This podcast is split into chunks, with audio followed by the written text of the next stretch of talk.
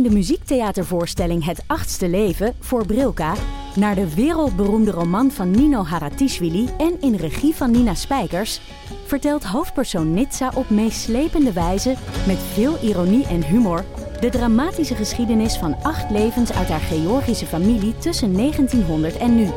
Een hartverscheurend en tegelijk troostrijk drama verteld vanuit het perspectief van vrouwen uit verschillende generaties waarbij het publiek meegenomen wordt op een emotionele, visuele en muzikale reis door de 20ste eeuw. Koop je tickets voor het achtste leven via oostpol.nl. Schaamteloos Randstedelijk is dé podcast voor jonge mensen in de stad op zoek naar houvast. Iedere aflevering houden wij, Doortje Smithuizen en Perre van den Brink, de jonge steling spiegelvol.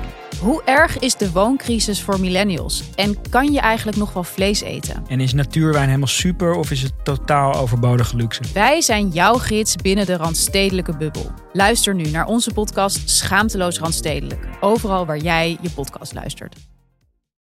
Voordat we beginnen gaan we vragen om geld. We dachten dat het niet meer nodig was, want ene Jonathan uit Amerika doneerde opeens 50 euro per maand via Patreon. Wie is deze heilige, dachten wij. Jonathan, jij saint. Dank. Duizendmaal dank. Bleek een Amerikaan te zijn die hoopte op gratis pornografische content. Maar ja, we staan wel in onze onderbroek op de foto. We hebben dus nog steeds geld nodig. Ga naar patreon.com slash damnhoney en doneer. Of niet, zelf weten.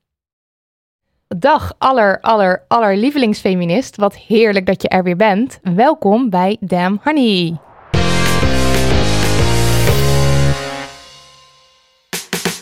De podcast over shit waar je als vrouw van deze tijd mee moet dealen. Mijn naam is Marilotte. En ik ben Lydia. En in deze dertiende aflevering hebben wij Devika Partyman te gast. Zij is vrouwenrechtenactivist en oprichter van Stem op een Vrouw.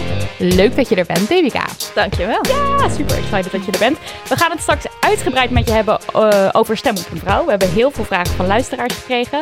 Uh, en volgende week uh, mogen we allemaal weer stemmen. Dus het is ook een belangrijk onderwerp om nu te bespreken. Uh, maar eerst, Marilotte, Hmm. het minst feministische wat je afgelopen week gedaan of gedacht hebt. Ik heb een leuke. Ik heb ook een hele toepasselijke. Um, even kijken, volgens mij was het vorige week zat ik met, uh, of deze week, ik weet niet meer, uh, zat ik met de huisgenoten aan tafel, waaronder Nidia dus. En toen hadden we het over straten die vernoemd zijn naar vrouwen en de naam Suze Groeneweg viel. Er bestaan namelijk Suze Groeneweg lanen en plantsoenen en straten en ik wist niet wie Suze Groeneweg was. Dus ik zocht haar op op Wikipedia en ik zag haar foto en mijn eerste reactie was... Nou, ze een potige tante. En dat is echt... Het, hm, het duurde ook even voordat ik wilde toegeven dat dat helemaal niet feministisch is. En het gekke is ook... We hebben in de kerstaflevering... Uh, in december hadden we het over Love Actually. En daar zegt uh, het personage van Hugh Grant op een gegeven moment tegen het schilderij van Margaret Thatcher... Saucy. En daar had ik heel veel commentaar op. en nu zeg ik dus was je het zelf. tante. En ik, nou ja, goed. Anyway, ik mensen, ik leer. En um, ja, voor de mensen die haar niet kennen trouwens, Suze Groeneweg. Nou, als ik dan toch even een weetje kan, uh, doorheen kan gooien. Uh, Suze Groeneweg was uh, het eerste en tot 1921, 1921 het enige vrouwelijke Tweede Kamerlid van Nederland. En zette zich enorm in voor gelijkheid tussen mannen en vrouwen. Nidia. Ja, vorige week was het Internationale Vrouwendag. Dus mijn hele Instagram-feed was een en al boekpresentatie over feministisch boek, uh, Women's March lopen, Internationale Vrouwendag praatje houden, een en al vrouw, vrouw, vrouw. Dus wij waren uh, op de koffie vorige week bij Lieven om te praten over het podcastfestival waar we mogen staan. Kleine, een kleine reclame, Oorzakenfestival. Uh, en ik spotte een R2D2 in de hoek. En toen dacht ik, oh, die ga ik op mijn Instagram zetten. Want dan hebben die mannen ook weer eventjes iets om naar te kijken. Nou, had ik gedaan. En ik kreeg dus echt allemaal reacties van vrouwen. Eentje van een man. En ik denk is... wel tien reacties van vrouwen. Allemaal van, oh my god, super cool. Waar is dit? Kan ik hem meenemen? Mag hij op kantoor? Ja. Maar is dit, wat ik weet, ik wist serieus niet wat het was. Ik vroeg, is het de Star Wars base? Ja, het is geen Star Wars base. Dus ik was weer de bevestiging Maar het is de... wel Star Wars gerelateerd. Ja, Arturito doet het dus ook goed bij de, De vrouwen. vrouwtjes.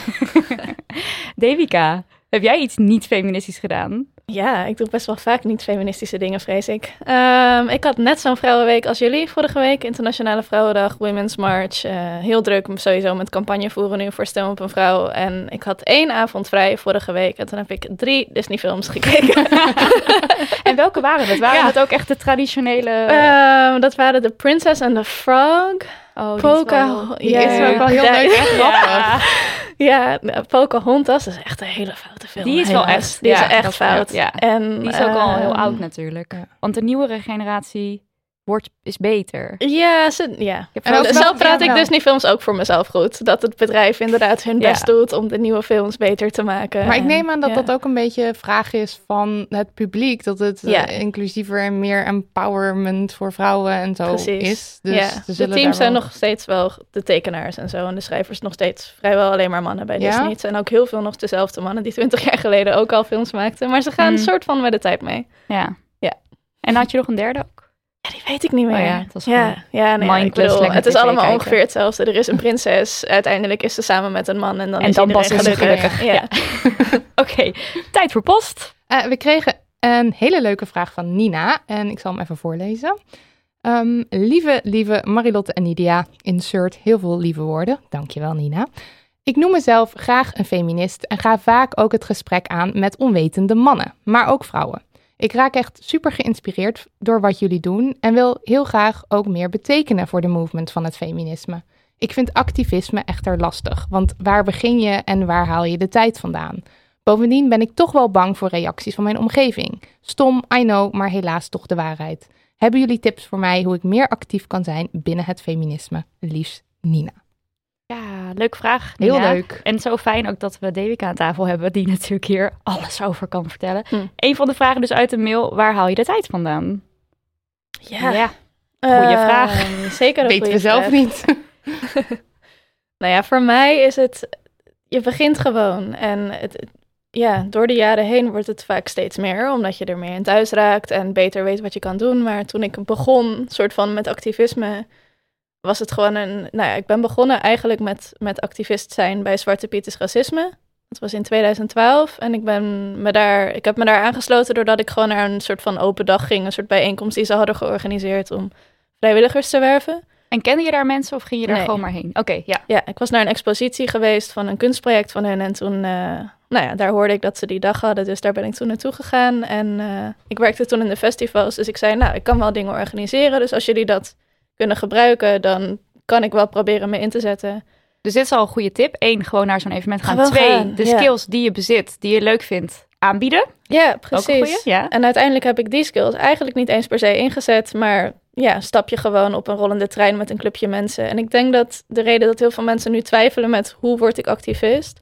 is dat ze alleen maar een soort van, nou ja, misschien activisten zoals mij zien... die nu Ja, wat is het, zeven jaar later, een soort van Echt, succesvol ja, zijn ja. of zo. maar dat is het. Je begint gewoon Maar heel dat is klein. zeven jaar je later. ergens. Je hoeft helemaal niet zichtbaar te zijn. Dus ik denk dat je dat los moet laten. Dat het gelijk heel groot en aanwezig moet zijn. Want die eerste paar jaar, ja, ben je vooral inderdaad nog frustrerende gesprekken aan het voeren met je ouders en je vrienden en, en je Facebook. Ja. Contacten, omdat je je opeens uitspreekt over iets wat ze niet leuk vinden. Dus ik zou me ook niet zo druk maken over die reacties. Het filtert zich vanzelf wel uit. Na twee of drie jaar ben je de meeste mensen die denken: wat ben jij nou aan het doen? Wel kwijt. Ja. Of, hey, of je hebt ze overtuigd. En je hebt nieuwe mensen mee. gevonden als Ja. het goed is om hen te vervangen. Precies dat ook. En Ja. ja, het is. ehm, ja, wij, merken het, wij merkten het al meteen aan het begin eigenlijk. We, ehm, op het moment dat we ons uit begonnen te spreken, dat we werden uitgenodigd voor allerlei evenementen ook. Dus Oh, eh, dat je ja. daar dan weer, of, of dat je opeens wordt gewezen op eh, een of ander feministisch evenement. En- Of op een platform, Ja. of op, op websites waar je echt moet gaan kijken. Ja, dus, dus zo is- rol je er ook steeds meer Ja, in. ja, dat is precies. ook het steeds gaat meer, automatisch. En ik denk ook met de waar haal je de tijd vandaan, eh, kleine beetjes helpen ook. Dus inderdaad, als je naar een Devika kijkt als voorbeeld, ja, dat is next level activisme. Dat is super cool als je dat, als dat lukt. Maar inderdaad, zeven jaar wel effort voordat je precies. daar bent. Dus klein beginnen. En die kleine dingen waar je dan mee kan beginnen, zijn bijvoorbeeld eh, al een petitie tekenen. Ja, en dat heeft soms vet veel effect. Want eh, ik wil heel eventjes refereren naar eh, wat ik de vorige aflevering noemde. Uh, dat was dat uh, vruchtbaarheidsbehandelingen voor lesbische en alleenstaande vrouwen niet meer vergoed zouden worden uh, door de zorgverzekering. Nou, heel het land stond te stijgeren en de petitie is honderdduizend keer getekend. en inmiddels heeft minister Bruins wel gezegd dat in ieder geval voor dit jaar alles weer voor iedereen vergoed wordt. En nou ja, ik, heb, ik denk het is een kwestie van in de gaten houden en gewoon daar bovenop zitten Ja. als volk. Of dus zelfs een petitie starten. Dat zou je ook nog kunnen doen. Is weer net een stapje verder. zeker, maar ook niet heel ingewikkeld volgens mij. Nee. Dan, eh, ja, hoe we zelf met, met Honey begonnen zijn, is door ons uit te spreken over het boek van Jamie Lee. En dat deden we gewoon op Instagram. Door Mhm. een simpele story te maken. Dus dat was ook heel. Ja, dat was eh, in één seconde Makkelijk. bedacht en aangekondigd en opeens liep dat. Dus ja, het, hele kleine dingetjes eh, doen het hem al. En wat ik ook merk, als jij gewoon iets ziet waar je boos om wordt op Instagram of Twitter en je zet daar een snappy comment onder, eventjes net, net ietsje grappiger of anders of scherper dan, eh, dan de rest eh, van de boze reacties, dat, dat zet ook al heel veel aan. Dat werkt. Ja, dat klopt. Je kan jezelf gewoon heel zichtbaar maken. Ja. En ook, ik had bijvoorbeeld laatst iets met een collega van me was uit eten gegaan. ehm, in de Belmer Baai zit nu een restaurant. En eh, het personeel daar was alleen maar man. S'avonds dus ze had daar gevraagd van, goh, hoe kan dat nou dat jullie met alleen mannen in de bediening zijn? En toen zeiden die jongens van, nou dat komt doordat er geen straatverlichting is. op weg naar dit restaurant. En Oh. Ja. die vrouwen voelen zich niet veilig om s'avonds te werken. Nou, toen heb ik een gemeenteraadslid een mailtje gestuurd Ja, van, hey, ja. Wat goed. Ehm, ik, dit eh, hoorde ik laatst. Kunnen jullie daar verlichting plaatsen? En die pakt het nu op. Weet je, het Ja. kan ook heel simpel zijn, maar gewoon even nadenken. Oké, als dit mis is, wie kan ik dan mailen? Ja. Bijvoorbeeld politici zijn vaak veel benaderbaarder dan je denkt. Ja. En bereid om wat te doen. Wat een goed Dat is een voorbeeld. heel, heel Ja. goede tip, ja. En ook natuurlijk met kranten aanschrijven op het moment dat je rare dingen leest. Ehm, en ik vind Ambrien ook nog een leuk voorbeeld met haar Instagram-account. zeker. Ja. At catcallsoff. En eh, zij roept ook altijd weer andere mensen in Nederland op van... begin ook je account. Kijk, Amsterdam is teken. Ja, maar elk, elk Rotterdam dorp of stad kan je Maar er doen, zijn, nog ja. veel, er zijn nog veel plekken waar, waar je nog kan beginnen. Eh, en je kan ook denken vanuit je hobby. Dus bijvoorbeeld, misschien hou je van hardlopen, misschien hou je van lezen, misschien hou je van toneelspelen. En kan je dat combineren met activisme. Dus een activistische leesclub of eh, ja, met gelijkgestemden eh, gaan hardlopen en het daarover hebben. Gewoon praten met elkaar. Dat is ook nog wel een idee. En er zijn echt zoveel initiatieven. Ik, ik, ik was vanochtend bij, ehm, eh, bij het SPE, het Service, Servicepunt Emancipatie. En daar eh, stelden een paar organisaties die zich inzetten voor vrouwenemancipatie zich voor. Nou, dat gaat echt van eh, dialogen ehm, ehm, ehm, aangaan tussen moeder en, en dochter of moeder en kind. tot zelfverdediging, tot praten over seks. En dat is echt zo leuk, alle initiatieven die er zijn. Dus je kan Ja. je overal bij aansluiten. Ja, zonder dat je per se zelf het op, op, op hoeft te zetten. Ja. Eh, nou, meelopen met de mars natuurlijk. Women's March hebben we net meegedaan. Eh, volgende week is de antiracisme mars in Amsterdam. Ja, vanaf de 23 Dam. maart. Ja. 23 maart kan je misschien nog, als je dit op tijd hoort, bij aansluiten. Eh, en een hele simpele tip voor de mensen met geld. Doneer Geef geld. Ja, inderdaad. ja het, is, het is simpel. Maar als je, als je iets kan missen, dat, daar hebben organisaties heel veel aan. Dus Ja. Eh, ja, die reactie- reacties van de omgeving inderdaad. Ja, dat komt wel goed. Ja, Ja. Dus even, het is voor iedereen even wennen. Voor jezelf Ja. en ook voor de rest. En dat Maar kan ook ja. echt vermoeiend zijn. Ja, en Ehm, soms moet je het ook gewoon even laten en eh, eventjes niet, niet, meer overal op, ja, ingaan. Niet overal op opwinden. Dat is ook natuurlijk wel waar, wat je een beetje moet leren, wanneer je er wel en wanneer je er niet vol in gaat. Mhm. Maar uiteindelijk kom je daar zelf ook wel uit. Want je Ja, moet dat wel. denk ik ook. Dat is echt een kwestie van oefening. Ja, Ja. dus ik denk onze, onze supertip is begin gewoon. Ja, Ja, begin gewoon gewoon. proberen. Ja. Hadden we ook nog een mail van Lara, helemaal uit België. Hoe leuk. Shout-out naar iedereen die buiten Nederland luistert. Dat is, eh, dat is heel vet dat dat gewoon gebeurt. Eh, ze kwam met de volgende vraag. Ik ben zo pas begonnen aan een boek over feminisme. De vrolijke feminist van Floris van den Berg. Hij stelt, ik geef toe op een best veroordelende manier, dat feministen geen feministen zijn indien ze geen veganisten zijn. Hij is van mening dat feministen tegen elke vorm van onderdrukking zijn en streven naar gelijkheid voor iedereen. En daarbij horen naar zijn mening ook de dieren. In de melk- en eierindustrie worden namelijk vrouwelijke dieren, kip, koe, uitgebuit omwille van hun geslachtsorganen. Feministen zouden een morele blinde vlek hebben, stelt hij, indien ze de onderdrukking en uitbuiting van die dieren, net zoals die er is voor de vrouwen, niet erkennen. Zelf ben ik veganist, maar ik heb nooit zo nagedacht over veganisme en feminisme. Denken jullie dat veganisme onderdeel zou moeten zijn of worden van feminisme? Of vinden jullie dat een streep te ver? Hoe denken jullie erover? Dankjewel, keep up the good work, Lara. Dit staat me een beetje nogal heel erg Tegen, tegen. Ja, ik kan hier niet zo veel mee. Als je dus gaat, want ik heb zijn boek een beetje door. Ik heb het niet gelezen, maar ik heb het dus doorgebladerd voor zover dat lukt op eh, Google Books. En daar hij stelt ook heel erg dat feminisme eh, dus eh, hand in hand gaat met veganisme, maar ook met atheïsme. En ik vind dat zo ver doorvoeren en daarmee dus ook zoveel mensen uitsluiten. Want volgens dit is, dit is waarom mensen denken feminisme hu, Bah, veel ja. te radicaal. Ja. En dat wil ik helemaal niet. Ik wil- Eigenlijk geen enkele vorm van je moet dit, want anders ben je niet dit. Daar hou ik al, heb ik niet echt op. Nee, dat stuit me enorm tegen de borst. Ik, natuurlijk, ik snap wel ehm, wat ze bedoelt met oké, gelijkheid voor iedereen. Neem het breder. En er zijn natuurlijk ook, je hebt ook klimaatfeminisme. Nou, klimaat houdt natuurlijk weer, hangt weer samen met veganisme. Want ehm, met klimaatveranderingen worden blijkbaar veel vrouwen ook uiteindelijk. Ik, ik zit hier niet heel diep in. Jij ja, die worden sneller het die- slachtoffer. ja, die zijn ze sneller het slachtoffer. In armere gebieden bijvoorbeeld wonen of sneller Ze economisch zijn kwetsbaarder. kwetsbaarder ja, dus wat ja. dat er gaat, zou je het helemaal door kunnen voeren inderdaad. Van ik ben veganist ook omdat ik dus dat wil voorkomen dat dat gebeurt en vrouwen daar uiteindelijk weer de klos van zijn. Ehm, Ja, maar waar eindigt het dan? Want dan, dit, is, dit staat weer echt haaks op wat we net zeiden. Namelijk begin kleine gewoon. beetjes Ja. helpen. Ja, En, dan, is het, en dan ja. is het van, je bent geen feminist als je niet dit en dit en dit en dit en de hele wereld redt. Nou ja, dan snap ik wel dat me- mensen er geen zin in hebben. Trouwens, als mens, gewoon als levend mens kan je het al niet goed doen, want je ver- verwoest de aarde. Is gewoon door Mhm. te ademen en zo. ja. En dan, ja, dan, dan houdt, nou, sorry, maar dan Ja, het zit voor mij vooral in het moeten. Het is een prima punt van, hé, hey, inderdaad, dieren hebben ook rechten en daar zouden we ook wel eens meer over na moeten denken. Maar feminisme is geen geloof of zo. Er- Nee. Er is geen feministische Bijbel of Koran die zegt, dit zijn de regels, als je je er niet aan houdt, ben je het Nee, niet. en dat Dus- doet hij dus wel. En ik Ja. wil nog even één stukje vertellen uit zijn boek, waarvoor ik, waardoor ik echt dacht van nou, deze gast ga ik nooit meer serieus nemen. Hij zegt namelijk ergens, hij claimt dat een femininere wereld een wereld is die stiller en rustiger is. En dan neemt hij het voorbeeld van quad crash compilation video's. En dan zegt hij, dat zijn van die mannetjes die op quads rijden. Oh, dear God. En wat dan ja. heel erg misgaat. En dan zegt hij dus, in die video's zie ik alleen maar jongens. eh, en eh, dat, is, eh, dat komt omdat alleen maar mannen met grote jongens speelgoed stunten met een motor erin. En dan zegt hij wel van, eh, je zou kunnen zeggen dat het een vorm van emancipatie is wanneer vrouwen ook dit soort activiteiten ondernemen. Maar dat is niet het soort van emancipatie dat ik voor ogen heb. Dat zegt hij. Want emancipatie op zichzelf is niet goed. Het moet gaan om een vorm van goede emancipatie. Dus hij gaat ons vertellen, Wat Wat vrouw- Ja. je moet je rustig gedragen, Ja. je moet stil rijden, gedragen. blijkbaar. Ja, nou, ik vind dat dat staat me ook al zo ontzettend tegen dat het gewoon nee, dat nee, Nee. Floris. Nee, als ik op een quad wil rijden en daarmee heel irritante schade wil veroorzaken aan omstanders en bomen, is dat aan mij en niet aan jou om te kiezen dat ik dat niet mag doen als vrouw. Dag. Oké. Ik hoop dat dit een soort antwoord is.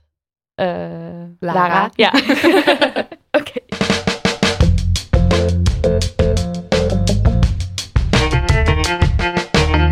We moeten het even hebben over vrouwen in de politiek. Of eigenlijk meer vrouwen in de politiek. En hoe je dat voor elkaar krijgt. Aanstaande woensdag 20 maart zijn er weer verkiezingen. En dit keer is dat voor de provinciale staten. En de leden van de provinciale staten kiezen de leden van de Eerste Kamer, als ik het goed heb. Dus belangrijk. Vet belangrijk. En vergeet de altijd- waterschappen niet, hè? Ja, Oh, de waterschap. Ja, ik sla dat dus altijd over. Ooit, ooit zei best belangrijk, want zonder waterschappen stromen we onder. Ja, precies. Maar Ja. dit, alle twee deze dingen zijn dus bij mij allebei. Ik ga gewoon eerlijk zijn dat je denkt, ja, ik moet stemmen, maar ik weet het. eh, Wat de hè? En dan zeg jij van eh, eh, leden van de Eerste Kamer. En dan denk ik, oeh, vet belangrijk. Ja, Oké, dit is ook anyway. de reden waarom ik de Eerste Kamer noem. Omdat ik dacht, nou, dan Is spoor ik de belangrijk. mensen dat wel is aan. belangrijk, ja. Maar anyway, daarom hebben we dus Devika Partiman eh, te gast om het over dit onderwerp te praten. Je hebt vorige maand de Ribius Pelletier-penning gewonnen. Een prijs die wordt uitgereikt aan een vrouw die iets heeft gedaan voor de, de, voor de positie van vrouwen in de Noord-Hollandse politiek. Gefeliciteerd. Dankjewel. Ja, Ja, dat dat is heel leuk. moet wel een hele mooie eer. eh, Ja, Je was ook overal echt, te eh, zien. we zagen je ouders en zo. Oh, cool. Ja, Ja, heel erg leuk. lief. Ja.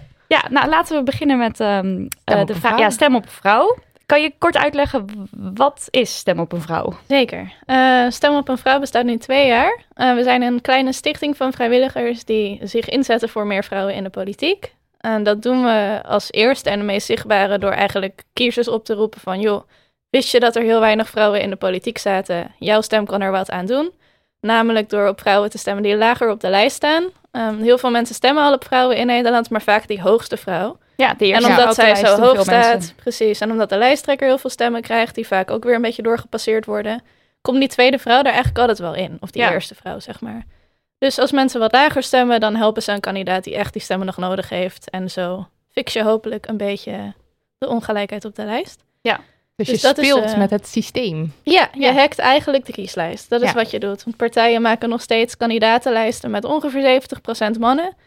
Eh, soms zelfs meer mannen dan dat. En eh, ja, als zij het niet Dat is het dan gemiddelde, wij maar. toch? 70% man is een beetje het gemiddelde. Ja, klopt. Ja, Ja, ik heb ja, net het best bedroevend. ja. Voor de en, waterschappen is het nog lager. 23% vrouw. Oh, ja. Eh, Ja. En ik zag ook dat dan de beste partijen, die zitten dan, eh, dat is de Partij voor de Dieren, geloof ik. Ja, die zit dan een beetje zo scoort inderdaad vaak 60, redelijk. Ja, 6% Soms eh, zelfs vrouwen. Is het dan een soort van hoe linkser, hoe meer vrouwen? je zou het, eh, of tenminste, je zou, zou het denken. statement- Je zou dat Je zou kunnen zeggen, statement- maar ehm, is niet altijd zo. Nee, bijvoorbeeld Oké. D66 wil het af en toe ook nog wel eens aardig doen. Het hangt ook heel erg, nu zijn het natuurlijk regionale en lokale partijen. En dan is Mhm. het zo wisselend. Ja. Ja, dus het is echt, eh, het hangt ook van de provincie af en zo. Er is geen pijl op te trekken. Hm. Je kan wel zeggen dat hoe christelijker, hoe slechter. Oh ja, ja. SGP. Ja. Heel vrouwen, toch? Ja. Ja, oké. Ehm, maar, hoe kwam je op dit idee om de, hiermee te beginnen? Ehm, nou, ik zag, ik was in 2016 in december op vakantie in Suriname, eh, waar mijn vaders familie vandaan komt. En eh, daar in een museum zag ik een flyer van een Surinaamse vrouwenorganisatie, het Vrouwenparlement Forum. Die flyer kwam uit 1996 en er stond op stem op een vrouw met een korte tekst over eh, de verkiezingen toen in 1996 in Dus Suriname. dat was 20 jaar daarvoor. 20 jaar daarvoor, Ja. inderdaad, van goh, ehm, vrouwen vormen de helft van de bevolking, maar het zie je niet terug in het parlement. Stem op een vrouw. Nou, ik heb daar toen een foto van gemaakt. En het bleef een beetje in mijn hoofd hangen. Dus in Nederland dacht ik, nou, misschien maar eens kijken of iemand daar ook iets mee wil doen. En eh, wat vriendinnen geappt en collega's aangesproken. En ja, voordat ik het wist, was er eigenlijk een groep mensen die zei, die ik wel en niet kende, ja, wij willen best wel helpen, goed idee. Ehm, en toen zijn we eigenlijk richting de Tweede Kamerverkiezingen, die drie maanden daarna waren, gewoon maar een website gaan bouwen en teksten gaan schrijven. En het klinkt nu heel gewoon. Ik bedoel, we hebben hartstikke hard gewerkt toen en er heel erg veel over Tuurlijk, gebrainstormd ja. en gepraat. En 20.000 keer de huisstijl bekritiseerd die de ontwerper had gemaakt. En Maar uiteindelijk nog steeds gewoon begonnen. Gewoon begonnen. En eh, ja, een beetje buiten werktijden, s'avonds meeten en zo. En En ja, het ging echt in no time. het was echt bizar. NOS, geloof ik. Ja, de Ja. website stond echt een uur online en toen we hadden een persbericht wel uitgestuurd. En eh, ja, inderdaad, toen belde de NOS. En als de NOS het oppikt, dan... Ja, Dan ben je er. Precies, ja, dan ben je gewoon klaar. Dus voordat je het wist, stonden we overal. En stemden er uiteindelijk dus heel veel mensen op vrouwen lager op de lijst.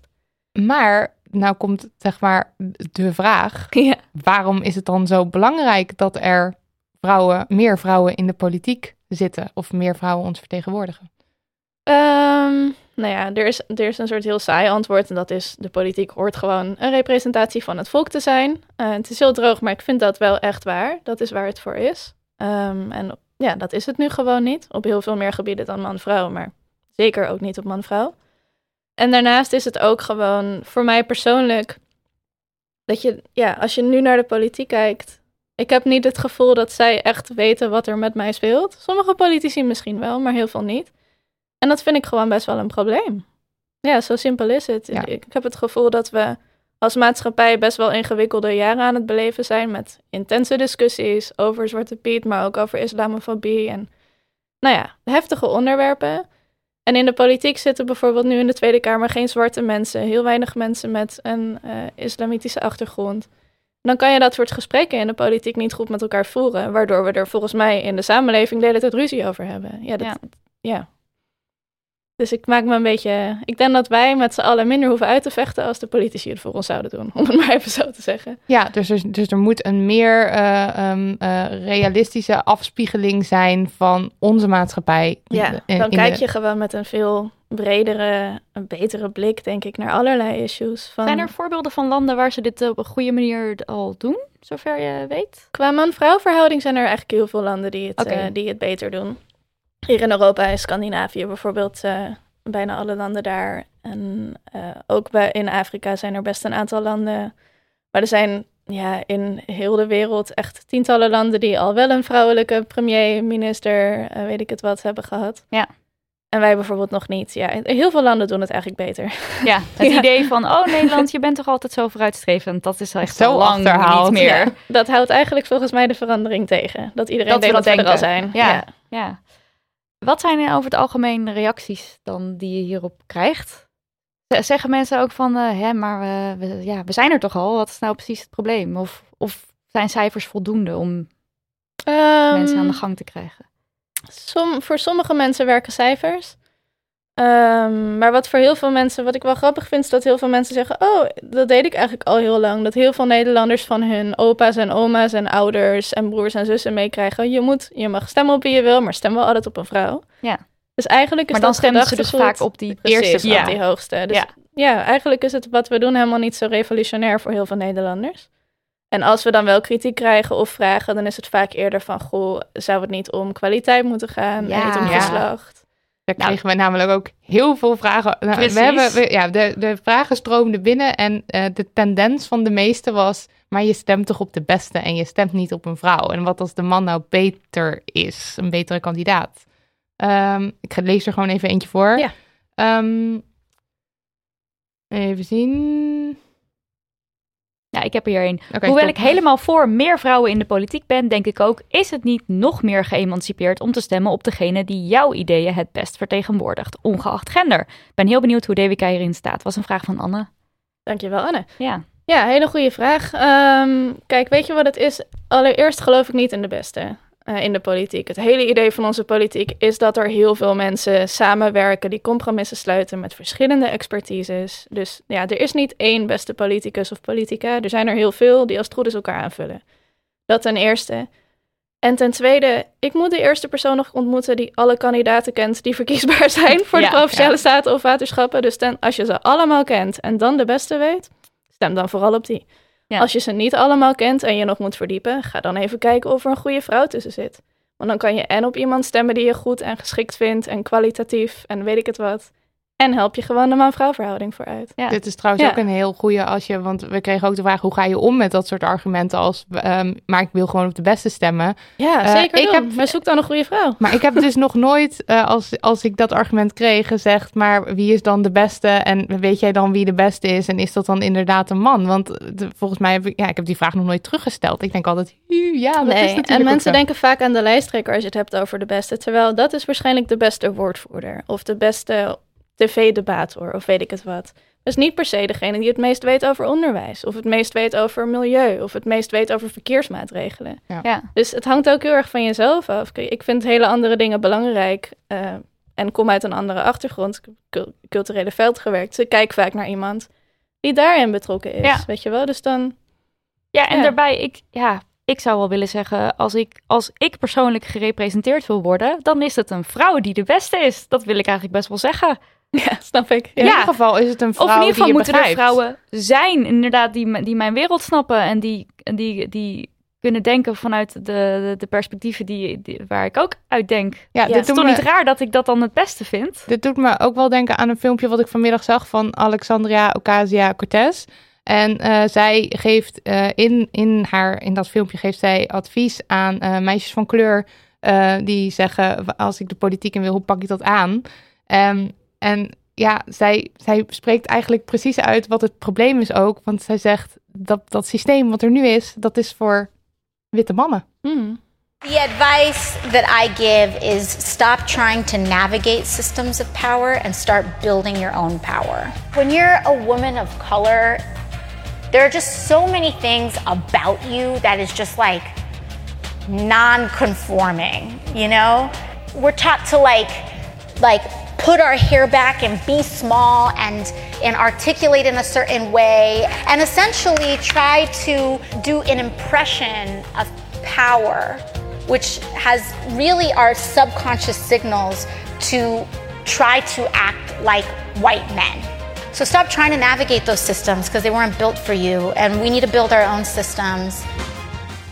Dramatisch muziekje erachteraan. Heel ik lekker, lekker Ja. kippenvel. Maar dat is het, want het is, zij promoot hier representatie, maar ook ga dus zelf het politiek in en probeer je niet te conformeren aan, ehm, aan de systemen die er al zijn, maar breek het. En dat kan natuurlijk, ja, dat kan ding. natuurlijk echt alleen maar als je en als wij als, als, als de peoples eh, Mhm. op vrouwen stemmen.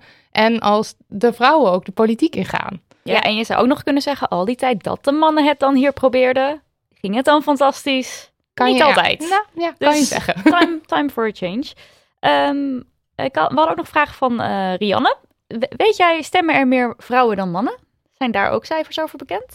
Nee, een alleen ehm, er zijn geen cijfers over bekend, omdat het in Nederland eh, door de privacywet verboden is Oh, om bij te houden ja. eh, precies hoe of wat. Ehm, maar er worden altijd wel achteraf, soort van, hoe noem je dat? Ehm, Polls of zo, of ja, ja, peilingen. Dat zijn van die woorden. Heeft u gestemd en dan mag je wel aangeven. dat soort dingen. Ja. Ehm, maar volgens mij trekt dat redelijk gelijk op. Oké, ja. En dan vraagt ze ook, komt er een dag met meer vrouwen dan mannen in de Kamer? Vast wel. Ja, Nou, ik denk niet per se een dag met veel meer vrouwen dan mannen. Ik bedoel, wie weet, ik kan niet honderden jaren in de toekomst kijken. Maar ja, natuurlijk, natuurlijk komt die er. Ja. Met redelijk eh, eh, snel? Of redelijk, de- denk je dat? Of heb- Dat, ha- ja, dat, we gaan het proberen. want jullie zijn ermee bezig om vrouwen te ondersteunen Klopt. hierin. Kan je daar iets meer over vertellen? Zeker, ja. Eigenlijk, we zijn dus begonnen met die stemcampagnes en merkten toen al heel snel van, dit is eigenlijk je, je hoe zeg je dat? Je probeert invloed te hebben op een zo'n aller, aller, allerlaatste moment. Weet je, de kandidatenlijst is al gemaakt, de partij heeft alles al gedaan. En het enige wat je nog kan doen is eigenlijk proberen te fixen wat zij verkeerd hebben gedaan. En dus eigenlijk haak je veel te laat aan in het proces. Want Ja. inderdaad, er zijn ook issues zoals te weinig vrouwen stellen zich verkiesbaar. Vrouwelijke kandidaten zijn niet zichtbaar. Ehm, dus dat soort dingen proberen we nu ook meer op te lossen. Eh, dus we zijn bijvoorbeeld trainingsdagen gestart eh, voor vrouwelijke kandidaten. Zodat zij bij ons gewoon kennis kunnen opdoen over campagne voeren, debatteren, mediatraining. Zodat ze zich daarna eigenlijk zelfverzekerder voelen om gewoon wel zichzelf zichtbaar te maken. En dat helpt best wel. En ze leren elkaar ook kennen. Want bij partijen leer je vaak alleen maar partijgenoten kennen. Terwijl om zo'n cultuur te veranderen, moet je ook binnen partijen allianties weten te smeden. En eventjes naar iemand kunnen kijken en met je ogen rollen als de mannen weer vervelend doen. Weet je wel, het gaat ook over sisterhood, om het maar even feministisch te zeggen. Ehm, dus ja, de trainingsdagen. En daarnaast willen we heel graag in de toekomst eigenlijk nog veel meer gaan focussen op dat werven. Want kandidaten of partijen blijven maar zeggen, we kunnen ze niet vinden. En ze willen niet. En vrouwen trekken zich sneller terug. Vrouwen stoppen ook eerder met een politieke carrière. Dat klopt ook. Ehm, en wat we graag willen doen is gewoon eigenlijk een soort huishoudbeursachtige evenementen gaan organiseren, maar dan over politiek. Ja. Gewoon super groot, niet partijafhankelijk, maar waar je gewoon naartoe kan, inspiratie kan opdoen van vrouwelijke politici, kan leren wat het nou eigenlijk is, waar je gratis lid kan worden van politieke partijen, want het kost geld. Ik vind dat vrouwen daar gratis lid van moeten kunnen worden. en waar je ook kan leren wat je nog meer kan doen, hè? want we hoeven niet allemaal natuurlijk in de Tweede Kamer te zitten. We kunnen ook bijvoorbeeld in kandidatencommissies gaan zitten, zodat je invloed hebt op wie die kandidaten nou worden. Of in Had een... ik geen idee van wat je nu zegt. Nee, maar- hoe, hoe- dan ga ik naar een, de website van een partij en dan zou ik dat ergens tegen moeten komen. Ja, in principe als je lid bent, krijg je gewoon nieuwsbrieven van, Ja. eh, van je politieke partij. En vaak ook van de wijk of de dorp of de stad waar je woont. Die hebben ook weer vaak een lokale afdeling. Ik zit nu bijvoorbeeld eh, in Amsterdam-Oost in een kandidatencommissie van het bestuur van een partij. Ik ben lid van meerdere politieke partijen overigens. Kan Hmm. ook gewoon. Ja, want we kregen ook Oh, de dat vraag... wist ik eh, helemaal. Ik had dacht altijd je moet kiezen. We kregen ook de vraag op wie ga je stemmen. Ik weet niet of je hem wil beantwoorden. Titia Ah. stu- stuurde deze vraag. Ja, dat, ja, waar wil ik best antwoord op geven. Ehm, ik ga voor de waterschappen, ben ik er nog niet uit. Ehm, ik stem in Amstel, Gooi en Vecht. Er is een hele mooie kieswijzer voor gemaakt. Ehm, dus nou, die heb ik gedaan. Daar komen een aantal partijen uit. Dus ik ga me nog even inlezen. En voor de Provinciale Staten stem ik op NIDA Noord-Holland. Ehm, ik, een van de, de lijsttrekkers van eh, NIDA Noord-Holland, Elsa van der Loo, was ook op een van onze trainingsdagen. En ik was best wel van haar onder de indruk. En ik volg haar sindsdien. Ik volg heel veel vrouwelijke politici hoor. Maar ik, ja, ik vind haar heel tof. Ik heb hun verkiezingsprogramma gelezen. Kan me er heel erg in vinden. En daarnaast, zeker met de afgelopen weken met islamofoob geweld... ehm, vind ik het heel belangrijk dat ook de moslima een grotere stem krijgt Ja, in de ja. politiek. En dat we daaraan gaan wennen dat zij ook gewoon hier in Nederland mee- meedoen en hier horen. Ja. Dus ja, deels ideologisch. En eh, ja, dus Elsa. Duidelijk. Ben je altijd al zoveel met politiek bezig geweest? Want je kan nu heel veel over al deze dingen uitleggen. Ik weet niks. Nee, ik ben er e- nee, echt totaal niet. Ik was er helemaal niet mee bezig voor, voor Stem op een Vrouw. Eigenlijk alleen maar met er tegenaan schoppen, maar niet met echt leren wat het nou was en, en wie er nou in de politiek zaten.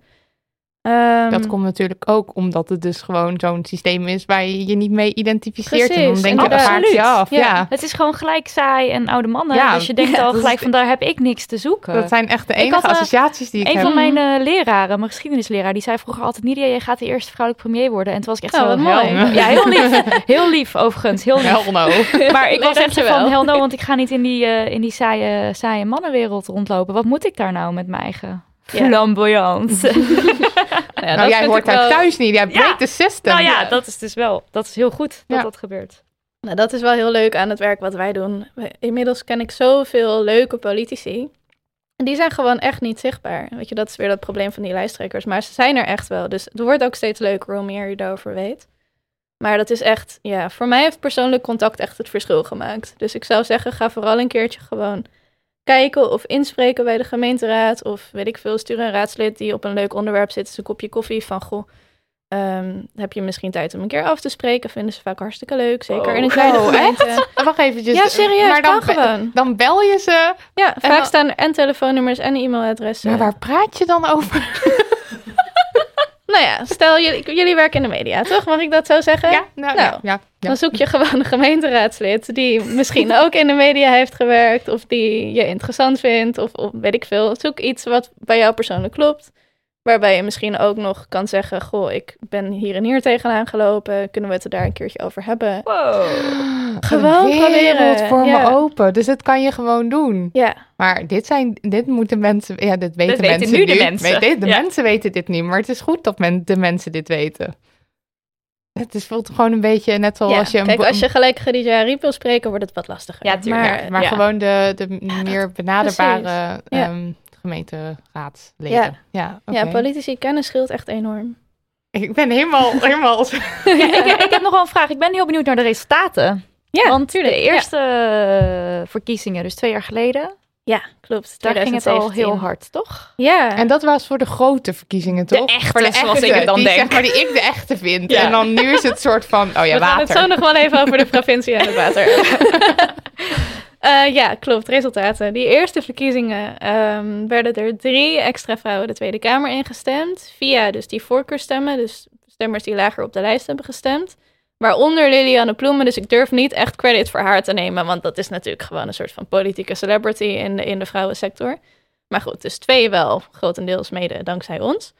Heel Ja. erg leuk. Ehm, en dat was gelijk ook, weet je... Ja, Maar drie, het lijkt even. misschien heel weinig op de 150, maar dit was echt nog nooit gebeurd. Dus Wat ik de, nee, het is, ik vind het supergoed. Ik vind het supergoed. Maar oké, je zegt dat Liliane Ploemen, dat hij dat hij dus eigenlijk laag op de lijst. klopt. Zij De- stond op nummer 10, als ik het me goed herinner. Want wat ik dus altijd terugkrijg, vooral van mannen, is Mhm. oké, de, de volgorde van de lijst is, eh, de kwali is kwalitatief, zeg maar. Dus de mensen lager nee, is op. echt Die, onzin. nou, Ja. dit vind ik dus heel bizar wat je Nee. dus nu zegt. Nee, dat is echt onzin. Ja, want dat Ja. blijkt dan nu wel weer. Maar als zij zo laag dus staat. de mannen de beste. Ja, of het is gewoon random. Nou, nee, niet compleet ik heb er heel random. veel maar- partijen, ik zie dit proces heel veel gebeuren bij partijen. En weet je, nog, dit heeft ermee te maken dat niet één iemand de beste is. Partijen kiezen altijd voor hun top 10 ongeveer echt een mooie mix van mensen die elkaar aanvullen. Dus dit zijn altijd mensen met verschillende expertisegebieden, met verschillende leeftijden en achtergronden. Maar die top 10 willen zij ook op die manier eigenlijk erin hebben. Of niet? Jawel, en dat lukt natuurlijk de meeste partijen niet. Dus daarom focussen kleinere partijen zich heel erg bijvoorbeeld op de top 3 of Ja. de top 5. Ja. Eh, maar ja, ik denk dat de PvdA destijds nog hoopte dat ze die 10 zetels gingen halen. En dan ga je gewoon kijken naar een mooie mix. Ah, oké. Mm, ja. ja. Oké. Oké, Ja. maar zij drie, ja, dus drie vrouwen eh, in de Tweede Kamer Ja. door Stem voor Vrouw, hoogstwaarschijnlijk. En eh, want Ja. vorig jaar was er Gemeenteraad. Gemeenteraadsverkiezingen, klopt. Ja, Het zijn niet de echte verkiezingen en dan ben ik het alweer kwijt. stiekem ook best belangrijk. En eh, het is heel lastig om daarbij onderzoek te doen, want het is godschuwelijk veel werk. Er zijn 380 gemeenten. Eh, maar we weten van de 75 grootste gemeenten... Nee, sorry, van de 70 grootste gemeenten weten we dat er meer dan 75 vrouwen met voorkeurstemmen zijn verkozen. Ja, dus dat is Dus kan je nagaan van gigantisch. 380 gemeenten. Dat moeten er honderden zijn. Ja. Eh, we hebben gewoon niet de man- en vrouwkracht om het, het goed te onderzoeken. Ja.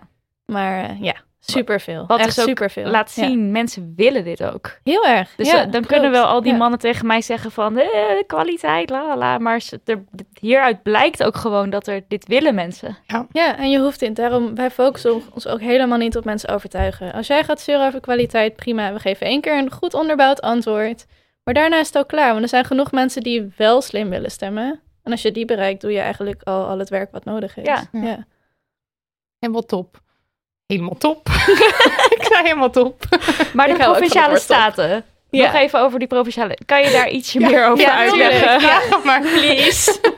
Oké, ik ga dit proberen niet te droog te maken, want het is oprecht best belangrijk. Oké, dus die provinciale staat is eigenlijk de gemeenteraad, maar dan van je provincie. Ehm, ze zijn het provinciebestuur en het bestaat omdat er eigenlijk issues zijn die te groot zijn voor een gemeente en te klein voor landelijke politiek. Zoals de aanleg van een nieuwe snelweg die door meerdere gemeenten heen gaat. Of Schiphol, die Ja. meerdere gemeenten aangaat. Of ehm, natuurgebieden, maar ook bijvoorbeeld cultureel erfgoed. Dat vind ik zelf heel interessant. De provincie bepaalt wat wel en geen cultureel erfgoed wordt. Het is weer zo'n dingetje met diversiteit in de politiek. Als je een groep ouderwetse mannen laat besluiten wat cultureel erfgoed Ja. is, krijg je andere dingen. krijg je hele andere dingen dan wanneer daar een gemengde groep zit. Dus stiekem hartstikke belangrijk. En bijvoorbeeld ook windmolens, duurzame energie in de provincie. Dat is allemaal, nou ja, nu is Je klimaat al, natuurlijk een Ja, hot kijk, topic. als jij het uitlegt, dan denk ik, Ja. oké, nou, Als je geeft om het belangrijk. klimaat, moet je echt niet gaan zitten wachten op de Tweede Kamer. Dan is provincie echt veel directer van invloed. Echt. En, Ja. en, en de waterschappen? Ja, Ehm, waterschappen is echt een raar orgaan. Ehm, Want maar- ik kan me dus nog herinneren dat eh, een paar jaar geleden een collega van mij zei: Ja, ik, ik heb maar gewoon op iemand gestemd. En er zat een soort van iets in zijn achternaam. wat associaties opwekte met water. En Oh, ik dacht jeetje. gewoon eentjes. Ja, en, ja. Toen, en toen heeft hij daarop gestemd. En dat is zeg maar ook Ja. hoe ik een beetje ga. Ja, precies. Ja, een van de lijsttrekkers in mijn waterschapsregio heet bijvoorbeeld Van de Kraan van de achternaam. Dat vind ik dan heel grappig.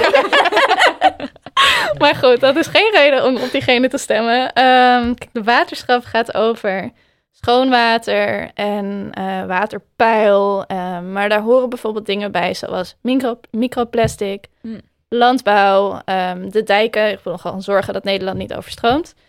En eigenlijk waar je naar op moet letten als je gaat stemmen, is eh, wat partijen zeggen over innovatie. Water is natuurlijk iets waar Nederland heel goed in is, waterbeheer. En de, eigenlijk de politieke vraag die onder de waterschappen hangt bij het stemmen, is gaan we nou heel erg snel innoveren met dat water en gaan wij dat als politiek dan bekostigen? Of moet het bedrijfsleven dat doen? Hmm. Dus dat is eigenlijk de grootste kwestie. Dus waar een VVD zegt, nee, we gaan heel erg met het bedrijfsleven werken en zij moeten de innovatie trekken, zegt de PvdA juist veel meer nee. Wij moeten samenwerken met boeren, met lokale partijen, met weet ik het wat. En die innovatie zelf gaan doen, want het gaat anders niet snel genoeg.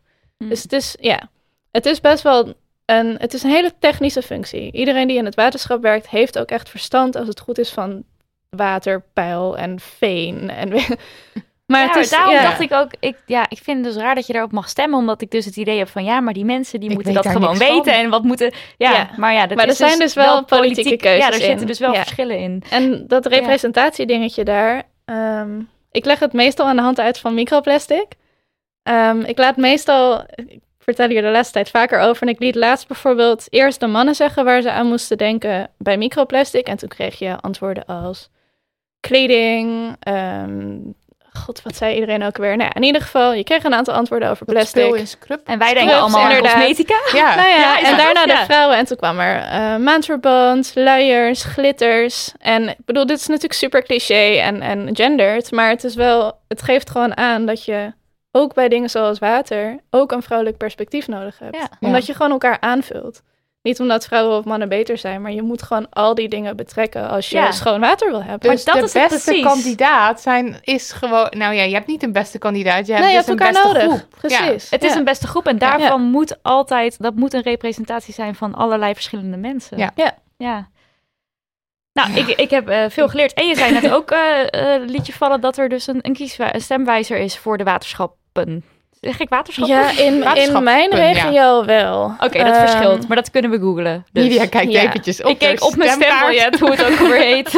Ja, er Staat er staat op je op? stembiljet staat inderdaad welke regio je stemt. Dus Ja. Google even die regio en eh, hopelijk hebben ze dan een, een stemhulp voor je. Ja. Want het is echt, nou dat is ook nog wel een dingetje. De overheid heeft hele slechte data eigenlijk beschikbaar over waar we nou op stemmen. Die landelijke stemwijzers zijn alleen maar van de grote partijen. Dus al die lokale partijen zitten er niet in.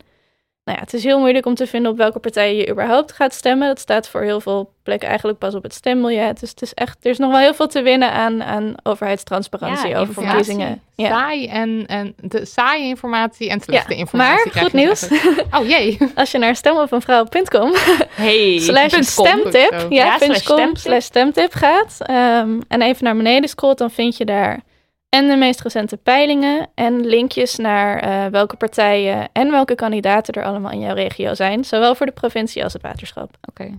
Ja. ja, en dan nog even heel kort, voor, gewoon even ter uitleg. We staan voor dat stembiljet. Nee, wacht, dan ben je te laat. Want je moet daarvoor al onderzoek doen. Liefst wel, ja. Ja, want, want hoe werkt het precies? Eén, je moet gaan kiezen op welke partij je wil gaan stemmen. Ja, Twee, je pakt de lijst erbij. precies. En die kan ik gewoon Ja, online waar kan ik, kan ik die lijst? Ik zie Ja, die lijst kan- altijd ik- voor het eerst in, het, in dat hokje. Nee, die kan je nou, dan moet je dus even naar, eh naar stemopenvrouw.com slash stemtip. En dan hebben we echt van alle regio's van waterschap en provincie doorlinken naar eh, wie er dus welke partijen je kan kiezen en welke kandidaten per partij. Het is echt super handig. Via de Open State Foundation. Zij proberen de overheid transparanter te maken. En zij hebben al die data verzameld. Ik denk echt dat dit mijn eerste jaar wordt dat ik eens een keertje me ga verdiepen, gaat verdiepen, in. ja. Ja. Maar dan het is ja, een beetje belangrijk- rotwerk, maar ja, het is wel belangrijk. Dus gewoon even doen. Dan Ja. is dus belangrijk dat je, want je wil dus strategisch stemmen. Dus het heeft geen zin om op de tweede van, als de tweede een vrouw is of de eerste is, heeft eigenlijk niet zoveel zin, want die gaat er sowieso in. Dus dan moet je strategisch gaan stemmen en dat, daar word ik alweer zenuwachtig. Want Ja, dan denk Want ik, welke ja, moet je dan nemen? ja, Nou ja, bij het waterschap zou ik ons advies vooral in de, hoe zeg je dat? In de wind gooien. Want bijna alle partijen zijn dan klein. oké. Ehm. Laat je trouwens bij de waterschap niet eh, voor de gek houden door de partijnamen. Er zijn namelijk heel veel lokale partijen die de naam aannemen van een grote landelijke partij. Zoals in mijn regio heb je de Socialistische Waterschapsvereniging. Waarvan heel veel mensen denken, oh, dat hoort vast bij de SP. ja, Maar die oprichter is een vastgoedman die helemaal niet socialistisch is. zo slim. Zo misleidend. Super misleidend. Dus je moet echt even goed opletten. En niet bijvoorbeeld de groene heb je ook, ik geloof in de provincie of misschien Hoeft ook in het waterschap, definitie. is niet gelieerd aan GroenLinks. Nee. Ehm, dus als je op GroenLinks wil stemmen, stem niet op de groene. Weet je, dus je moet echt even opletten. Ja. ja.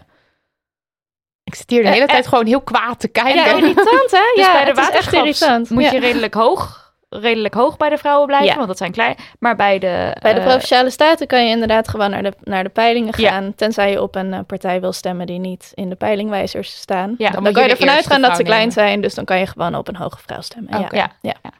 Nou, dat is denk ik dan wel Nou, duidelijk. mensen dus niet echt één minuut voordat je gaat stemmen eventjes gaan kijken, maar gewoon even de dag van tevoren even een, een half uurtje nemen en Precies. eventjes onderzoek doen. Ja, en vorige keer ben ik dat dankzij Stem op een Vrouw ook gaan doen. Bij de Tweede goed. Kamer, de, bij jullie allereerste campagne. Voor de echte En dat was bij, voor de echt, dat was vet leuk. Want dan leer je opeens iets over die mensen. Je voelt je veel meer betrokken. Het is echt een aanrader. Het is een heel uitje. Ja. Ik ging ook Ja, hele en als diegene dan verkozen wordt, dan is het ook echt. Ja, dankzij dan voel je je, jou. ge- je voelt je Ja. verbonden dan met iemand. Dus dat is leuk. Nou, laat dat dan ook degene Ik zijn met wie je een keer koffie gaat drinken. Nou ja, oh my god. Die gaan we Want bellen. Dat kan gewoon. ja, en dan zeg je, ik heb op jou gestemd. You're welcome. Gefeliciteerd, nu gaan we koffie drinken. ja, Beter maak je tijd voor me vrij. precies. Dankjewel, Devika.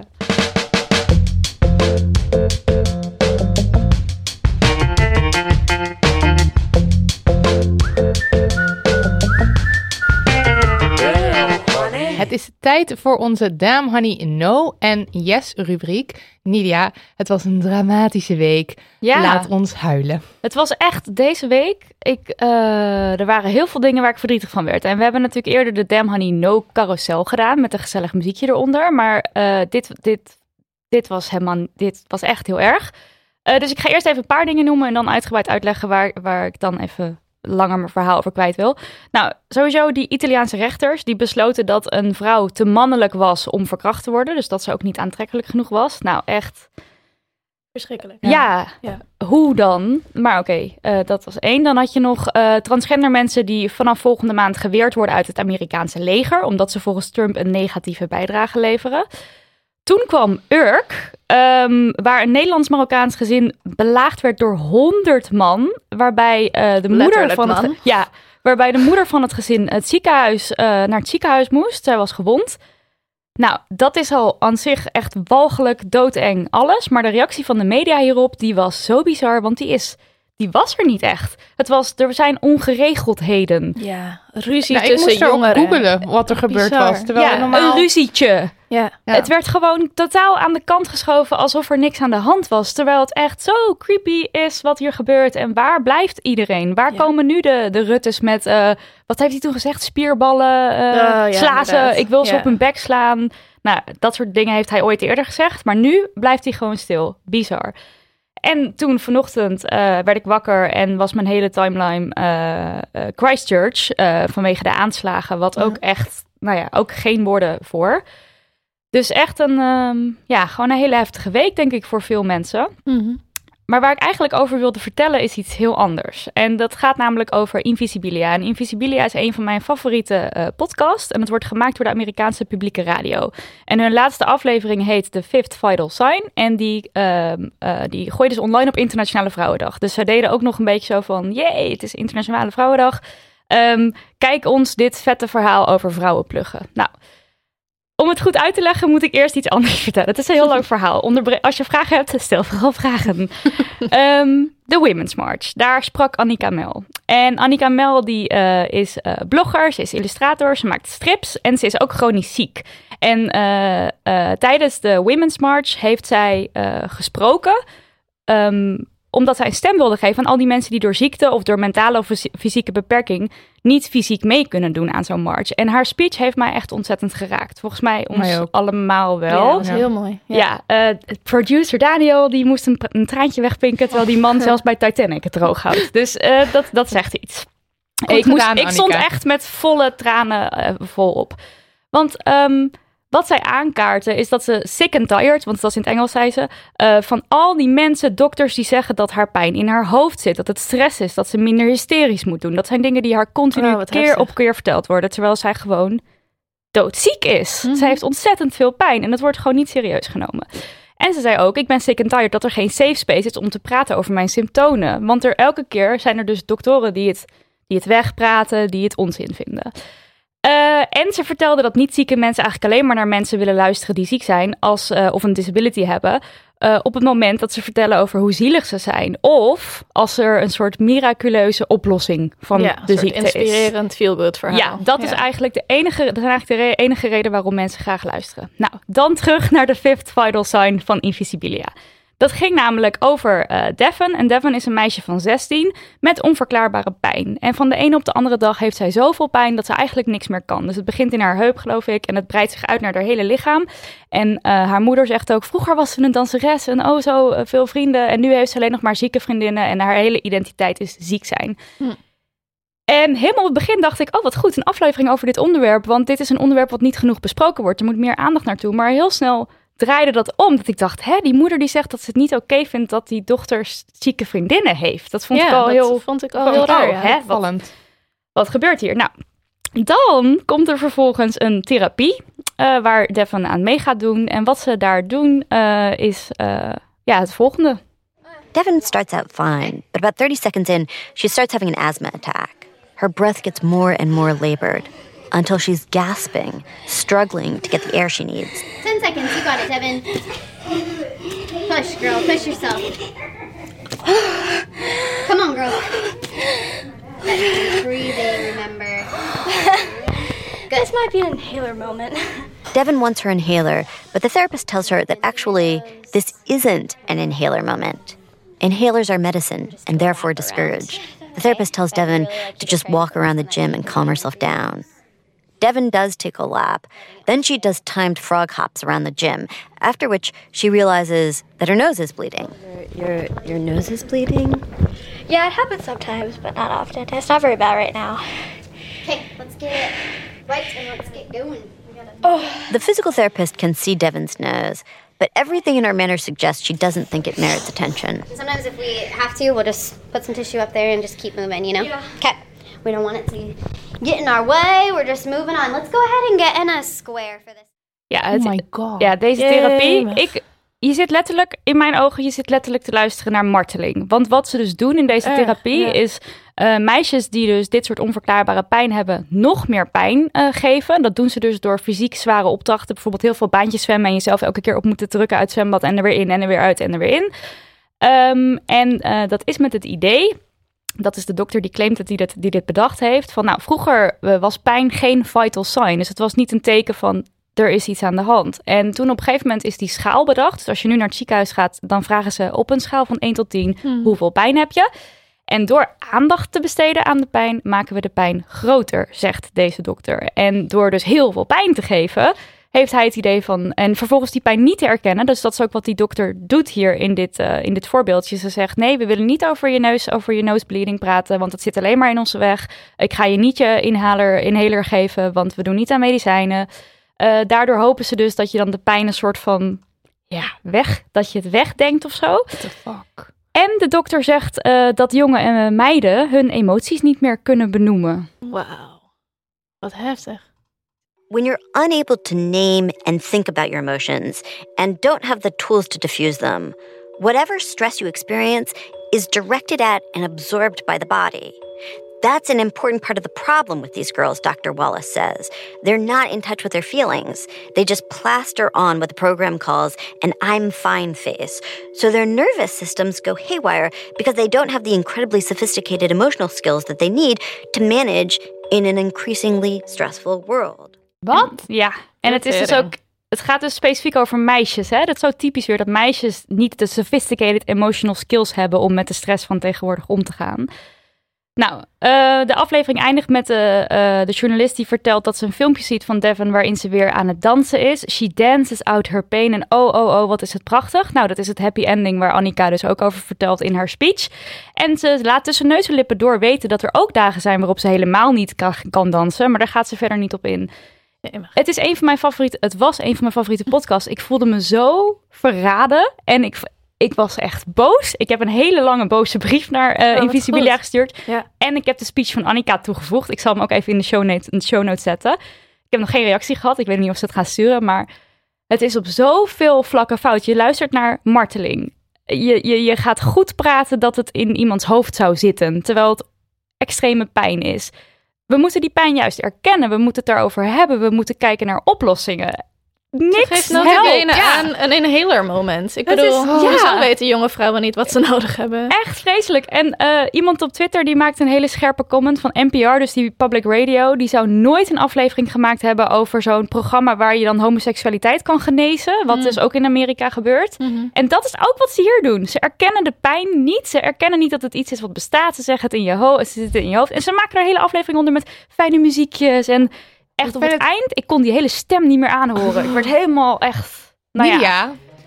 niet om het een of ander, maar ik denk dat dit een tof sausje is. Het is een tof sausje. Ja. Dit Klopt. is echt, dan wordt het neergezet op Internationale Vrouwendag als een sterke, empowering aflevering. En dan ga jij deze hel zitten vertellen. Sorry, maar dat is, dat is gewoon een, een, een, een tof laagje over een kutboodschap. Ja, ja. Nou, het, is, uh, het was een lang verhaal, maar uh, ja, ik, kan, uh, ik was gewoon heel boos. ga vooral allemaal Annika's speech, speech lezen en ja. Marilot. Ja. money, yes! Oké, okay, ik kom even met goed nieuws. Het was namelijk een goede maand voor maandverband. oh god. ja. Dat gooi je er ook even wat in. ik heb deze week de Netflix documentaire Period End of Sentence gezien. En uh, ja, het, ik kan geen um, fragment laten horen, want het is allemaal in, uh, ik weet niet welke taal ze in India spreken, Indiaas? Ja, heel, heel, veel verschillende talen. Ja. Nou, in ieder geval onverstaanbaar voor ons. Uh, maar het is echt en, en ik vond het zo heerlijk om ernaar te kijken van begin tot eind. Het gaat over een, een klein dorpje, ongeveer 60 kilometer van New Delhi. En daar uh, wordt um, in samenwerking met volgens mij, een, of op initiatief van een groep Amerikaanse scholieren en, en, een, uh, en een liefdadigheidsinstelling in India, wordt er in dat dorp een maandverbandfabriekje neergezet. En het is dus in dat dorpje, um, en sowieso denk ik eh, in heel India volgens mij, een groot taboe om te praten over menstruatie. Mm. En het lastige daar is uh, dus, um, want je ziet dus ook in, in de documentaire wordt de vraag gesteld aan, aan, aan mannen en vrouwen uit het dorp, uh, wat is menstruatie? En dan hoor je die man, zoals een van die mannen zeggen, ja, het is een ziekte. En ik geloof dat vooral veel, veel vrouwen daardoor getroffen worden. Ik en, geloof. En sowieso, en sowieso, de vrouwen daar giechelen. Er wordt dus niet over gepraat. Het is enorm taboe. En het, eh, het lastige is daar dus dat eh, vrouwen gebruiken katoenen doeken... eh, om hun bloed op te vangen. En dat lekt door. En dat is dus dat is enorm beperkend. Want er is dus schaamte. en ze zijn dus bang dat ze doorlekken. En daardoor gaan die meisjes... gaan veel meisjes niet naar school Mm, bijvoorbeeld. ja, maar ook precies. vrouwen kunnen heel veel dingen niet doen. Dus er Mhm. wordt er wordt eh, niet over gepraat. En nu, nu staat daar dus een maandverband fabriekje. En dat, is, zeg maar, ja. dat klinkt dus heel schattig, maar het is ook gigantisch. Het betekent zoveel in de vrijheid van die vrouwen. En ik zat op het eind bijna te huilen, omdat je dan een van die vrouwen hoort praten over haar dromen. En opeens, zeg maar, zij wil dan naar de stad en ze wil politieagent worden. En, dan, en opeens is dat mogelijk. Dat is zo, het is zo heerlijk. Nou, ga het kijken in ieder geval. Het, is Het heeft echt- een Oscar gewonnen, het toch? heeft een Oscar Ja. gewonnen. Daardoor is dat is volgens mij is, er, is er nog meer gebeurd in dat dorp, waardoor er nog beter over gepraat wordt. Oh, het is goed. allemaal helemaal leuk. En wat ook nog, eh, volgens, even kijken, gisteren in het nieuws kwam, is dat eh, dit soort menstruatieperikelen eh, vinden niet alleen plaats in landen als India, maar ook in Engeland. En daar heb je eh, een begrip wat period poverty heet.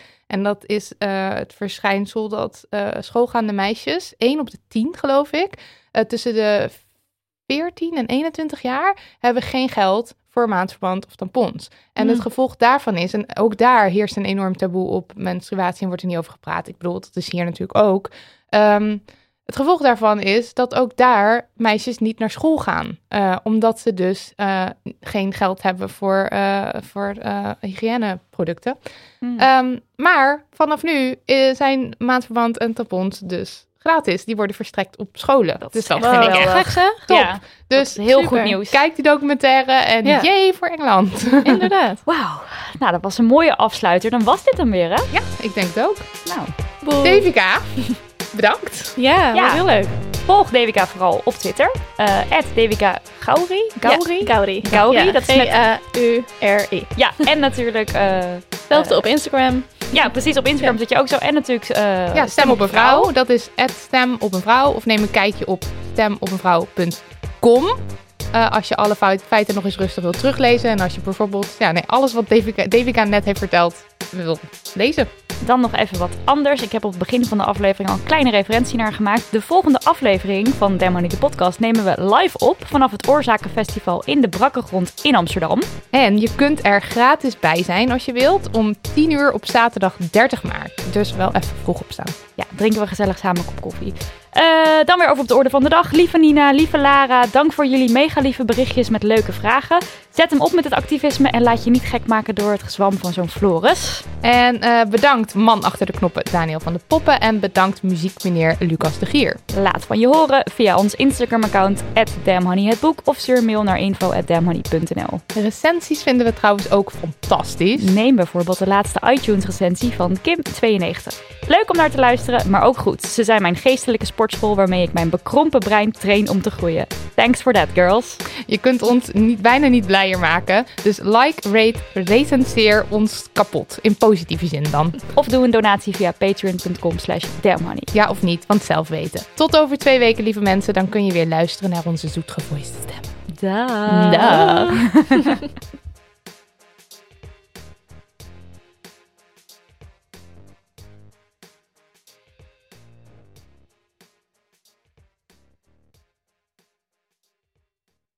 Nog even over die grootse en epische muziektheatervoorstelling. Het achtste leven voor Brilka is een marathonvoorstelling van 5 uur. Koop je tickets voor deze bijzondere theateravond via oostpol.nl.